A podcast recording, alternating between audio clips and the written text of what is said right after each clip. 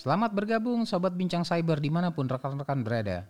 Pada episode kedua ini kita akan mengangkat topik pembahasan Cyber Security Awareness dan Human Firewall. Saya akan coba mengangkat kasus email phishing attack yang menimpa perusahaan asuransi kesehatan. Apakah yang dimaksud dengan cyber security sebagai pendekatan kultural? Kemudian, apakah yang dimaksud dengan human firewall? Dan tujuh langkah utama dalam membangun human firewall itu sendiri.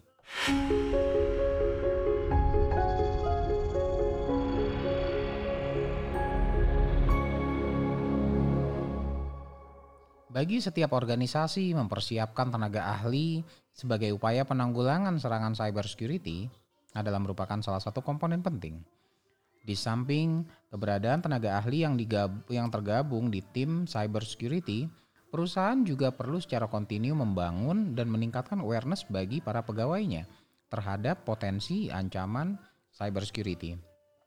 Salah satu contoh konkretnya adalah dalam bentuk program pelatihan cyber security awareness – Pentingnya cyber security awareness dikarenakan dalam beberapa tahun terakhir tercatat peningkatan persentase kejadian data breach. Jika kita perhatikan, dari banyaknya pemberitaan tentang data breach yang terjadi dalam kurun waktu 2016 hingga 2018, setidaknya terdapat 50% kejadian yang penyebab utamanya adalah karyawan atau pihak internal perusahaan. Bahkan, menurut riset dari Verizon, pada tahun 2018 saja, setidaknya terdapat 34% insiden data breach yang disebabkan oleh internal actors atau karyawan yang diberikan kepercayaan. Untungnya hal ini tidak seluruhnya terjadi disebabkan unsur kesengajaan. Ada ada juga yang tidak sengaja. Di sisi lain, hasil dari beberapa penelitian menemukan bahwa prioritas anggaran seorang Chief Information Security Officer atau disingkat CISO mulai pada tahun 2019 adalah untuk perbaikan talent karyawan berupa rekrutmen baru maupun meningkatkan pengetahuan dan awareness terhadap domain cybersecurity. Hal ini sejalan dengan penelitian yang dilakukan Forbes Insight terhadap 200 orang CISO.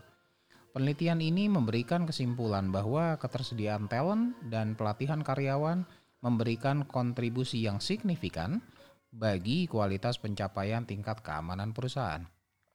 Hal yang sama juga diutarakan oleh Don Capley, CISO dari Rockwell Automation.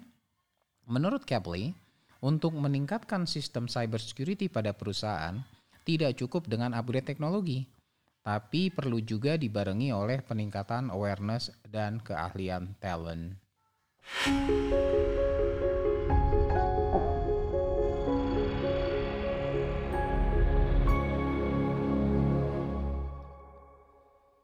Saya mengambil sebuah kasus medical data breach yang dialami oleh Anthem Incorporated, sebuah perusahaan health insurance di Amerika Serikat. Pada tanggal 24 Februari 2015, Anthem memberikan notifikasi ke publik bahwa perusahaannya mengalami serangan cyber yang mengakibatkan bocornya data nasabah yang kemudian diperkirakan mencapai 78,8 juta record. Serangan ini dipercaya juga terjadi di beberapa lokasi cabang milik Anthem Incorporated. Dalam menyikapi ini, Anthem Incorporated meminta bantuan perusahaan security Mandian untuk melakukan investigasi lebih dalam. Oleh Mandian, dinyatakan bahwa tanggal awal penyerangan terjadi adalah pada tanggal 18 Februari 2014 atau hampir setahun setelah insiden ini diinformasikan kepada publik. Penyerangan diduga di berawal dari email phishing yang dikirimkan oleh hacker kepada salah satu pegawai. Dalam email itu terdapat link yang memungkinkan malware untuk terinstall pada PC tersebut. Malware ini selanjutnya dipergunakan oleh hacker sebagai celah untuk remote access kepada PC tersebut. Tidak sampai di situ saja, melalui perantaran PC ini, hacker dapat memperoleh akses atas puluhan PC lainnya. Hal ini terus berkembang hingga hacker tersebut mampu menguasai dan setidaknya login 50 user account dan 90 sistem. Sehingga hacker pada akhirnya mampu membuka akses ke data warehouse yang dimiliki oleh Anthem. Setelah akses ke data warehouse didapatkan, hacker kemudian melakukan pengiriman data keluar atau istilahnya exfiltrate secara bertahap sehingga setidaknya telah dikirimkan sebanyak 78,8 juta nasabah. Untungnya, data finansial dan informasi medis nasabah tetap aman dan tidak ikut terkirim keluar. Diduga data nasabah yang dicuri tersebut akan diperjualbelikan di black market atau istilahnya disebut sebagai dark web.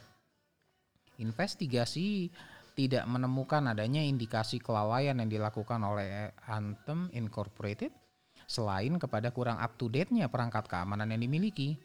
Meskipun Anthem Incorporated memiliki polis asuransi cybersecurity dengan limit mencapai 100 juta dolar, namun tuntutan class action yang terjadi atas kasus ini mencapai 115 juta dolar.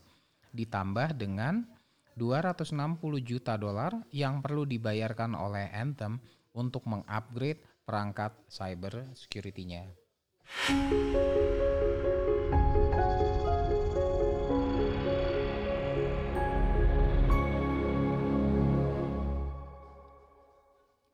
Dalam cyber security, yang lebih menantang serta sulit dikendalikan adalah individu manusia. Perusahaan bisa secara pasti mengkontrol aspek teknis. Komputer dan hardware computing lainnya lebih mudah diprediksi Sementara tidak demikian halnya dengan karyawan. Hal ini menuntut pentingnya penerapan cybersecurity yang integral serta menyatu dalam komponen people, proses, dan teknologi. Berdasarkan penelitian dari Forbes Insight, ini juga disebutkan bahwa kebanyakan sistem cybersecurity yang sekarang ada masih terkotak-kotak berdasarkan divisi atau sistem tertentu. Hal ini menyebabkan kurangnya manfaat yang diperoleh oleh organisasi secara keseluruhan.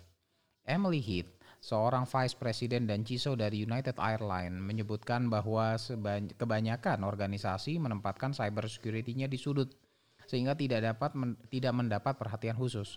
Namun tetap dengan menaruh resiko besar di atasnya. Sementara mereka mencari nasihat-nasihat, pelatihan, bahkan pendidikan formal dan ironisnya, mereka berharap tidak akan terjadi apa pun sementara waktu. Ini adalah yang kurang tepat. Sebab saatnya kini seluruh bagian dari organisasi perlu ambil bagian dalam memikirkan tentang keseluruhan konsep cybersecurity yang ada dan diperlukan, ungkap Hit. Dan meskipun hal ini bukanlah sesuatu yang mudah, namun tentunya akan memberikan keuntungan strategis bagi perusahaan di masa yang akan datang. Selanjutnya, diperlukan role model dan leadership dari proses integrasi dan pendekatan kultural untuk menjadikan cyber security awareness sebagai bagian dari aktivitas keseharian. Proses edukasi dapat dilakukan secara bertahap sebagai bagian dari flow proses pekerjaan. Hal ini akan membuat knowledge yang didapatkan akan semakin lama untuk diingat Karyawan mungkin lebih memilih contoh atau role model dibandingkan ratusan halaman cybersecurity policy. Salah satu pendekatan uh, praktikal adalah dengan gamification. Gamification di sini mencakup proses peningkatan keinginan karyawan untuk belajar, meningkatkan penguasaan, sehingga mampu bersaing dan kemudian mendapatkan pengakuan serta penghargaan atas effort yang dilakukan untuk mengurangi resiko cybersecurity bagi perusahaan. Menurut temuan dari American Psychology Association, persaingan akan meningkatkan aktivitas fisiologis dan psikologis sehingga memungkinkan kinerja yang lebih tinggi. Dalam hal kinerja ini adalah maksudnya kemampuan untuk mendeteksi dan menggagalkan ancaman cybersecurity. Pengakuan cybersecurity champion sebagai penghargaan dari gamification ini bagi karyawan sebagai apresiasi perhatian dan upayanya meningkatkan perlindungan cybersecurity dapat memacu motivasi karyawan lain untuk mengikuti langkah yang sama. Jika semua ini dilakukan dengan perencanaan tepat, maka arsitektur dan sistem cybersecurity pada organisasi itu dapat lebih efektif dan efisien dengan keterlibatan karyawan sebagai human firewall.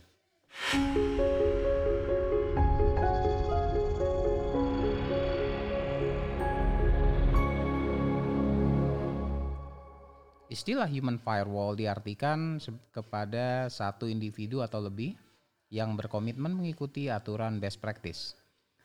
Best practice yang dimaksudkan di sini adalah untuk mencegah dan melaporkan atas potensi data breach. Human firewall ini tidak sama dengan istilah security champion yang sebelumnya saya sebutkan. Security champion adalah lebih kepada edukasi dan awareness sementara human firewall adalah lebih kepada komitmen atas proactive action yang akan diambil oleh setiap individu. Security champion bisa saja menjadi bagian dari human firewall dalam edukasi, tapi kepada karyawan misalnya uh, atas opsi countermeasure terhadap ancaman cyber security. Human firewall mulai menjadi perhatian sebagai sebagian besar organisasi di dunia sejak penelitian yang dilakukan oleh Ponemon Institute di tahun 2017.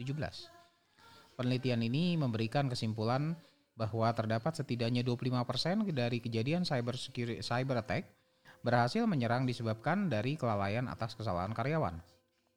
Tentunya ini semua sifatnya tidak disengaja. Software aplikasi kadang juga e, melakukan kesalahan, menganalisa sesuatu sehingga berpotensi memperbesar ancaman. Misalnya email phishing yang dibiarkan masuk ke inbox karyawan. Hal ini diperburuk dengan kelalaian karyawan yang kemudian mengklik link yang terdapat dalam email phishing tersebut. Hal ini kemudian menjadi pintu bagi masuknya malware ke sistem internal perusahaan yang pada akhirnya memiliki dampak menyeluruh kepada sistem. Inilah yang membuat kita tidak dapat sepenuhnya hanya menggantungkan perlindungan keamanan pada teknologi dan sekaligus menambah arti pentingnya human firewall bagi perusahaan untuk melindungi celah keamanan yang lolos dari pengamatan teknologi keamanan.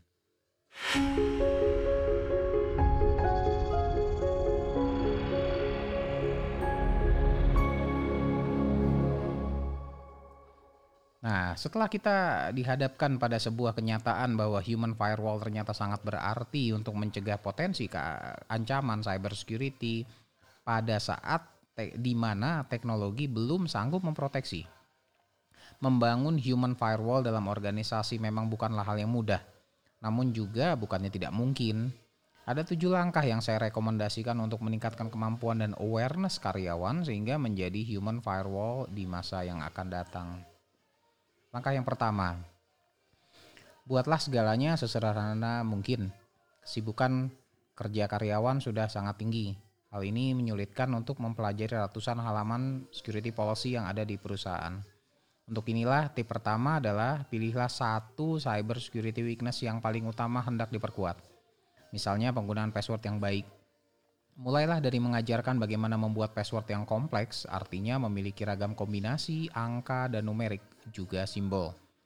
Jelaskan manfaat penggunaan password yang baik, sehingga pada akhirnya karyawan semakin meningkat meningkatkan semakin meningkat kesadarannya dan mulai mengikuti. Jika semuanya sudah sesuai dengan harapan, lanjutkan ke weaknesses yang lain secara bertahap. Langkah kedua, buatlah sesi training lebih singkat, menarik, serta lebih sering. Biasanya perusahaan mentargetkan antara satu hingga dua kali training cyber security awareness dalam kurun waktu satu tahun. Dengan melihat cepatnya perkembangan cyber security yang terjadi, hal ini dirasakan semakin kurang. Untuk itu, sebaiknya sesi training cyber security awareness dibuat lebih singkat dengan fokus hanya satu hal yang ingin diperbaiki. Namun, lakukan sesi ini lebih sering.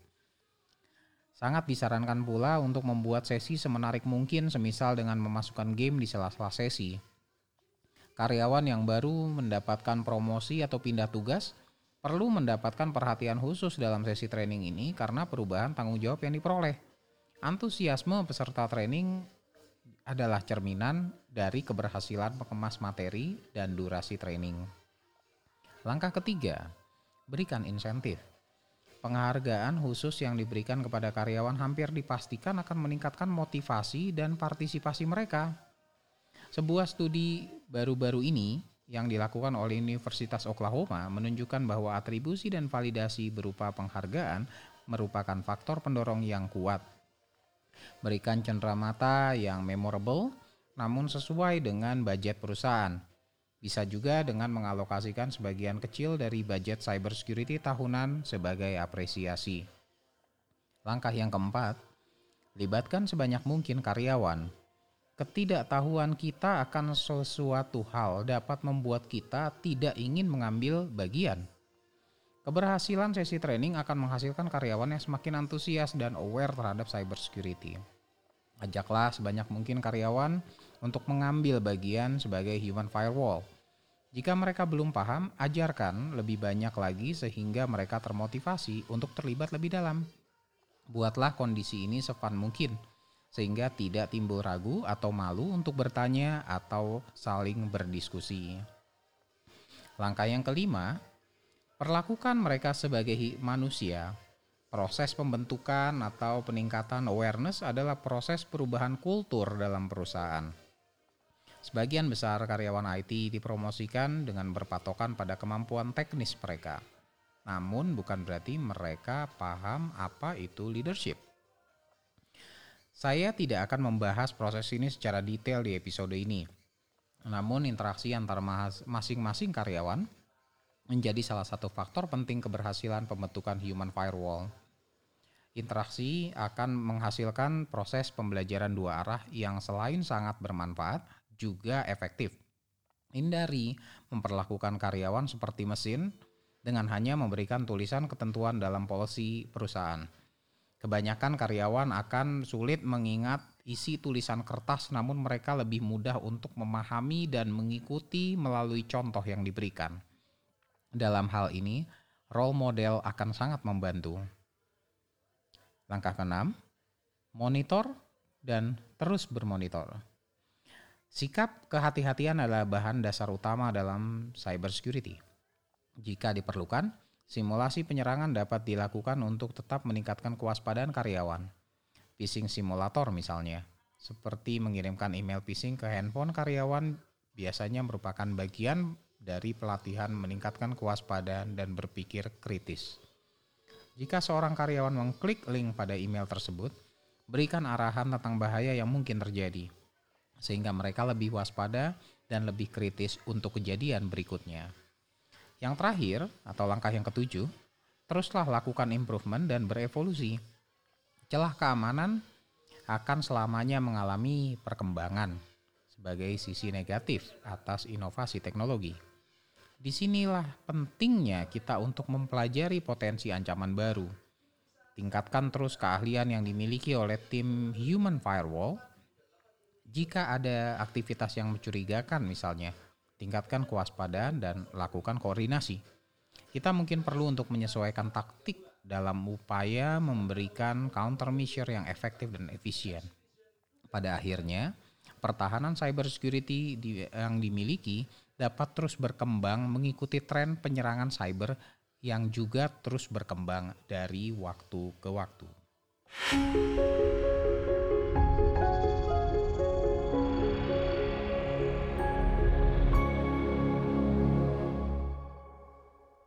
Cybersecurity adalah tanggung jawab seluruh entitas dalam perusahaan.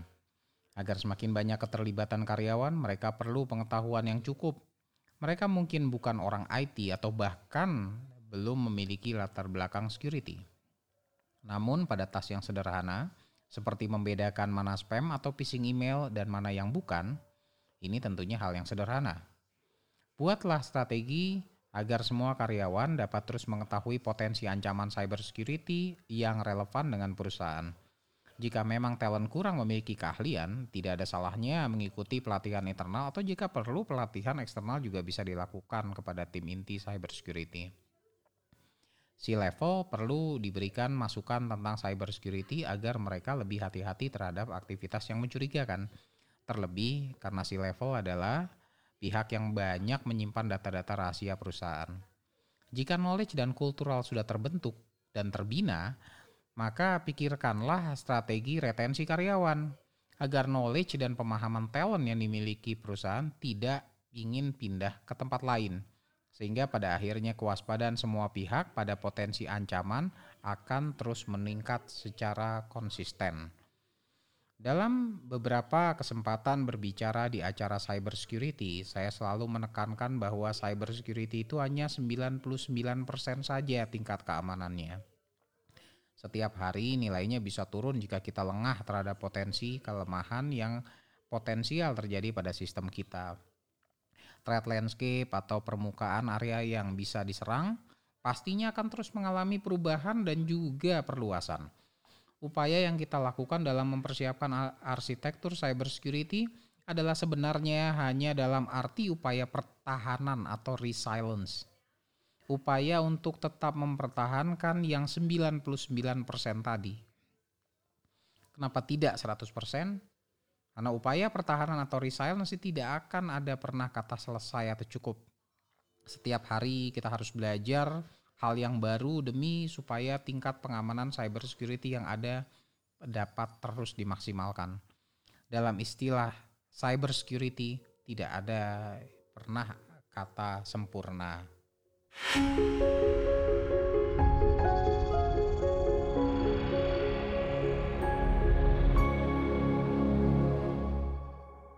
Sobat Bincang Cyber, kita sudah sampai di penghujung episode kedua yang membahas tentang apa arti Cyber Security Awareness dan Human Firewall. Jika sobat menyukai konten podcast ini, mohon untuk subscribe dan berikan review di iTunes.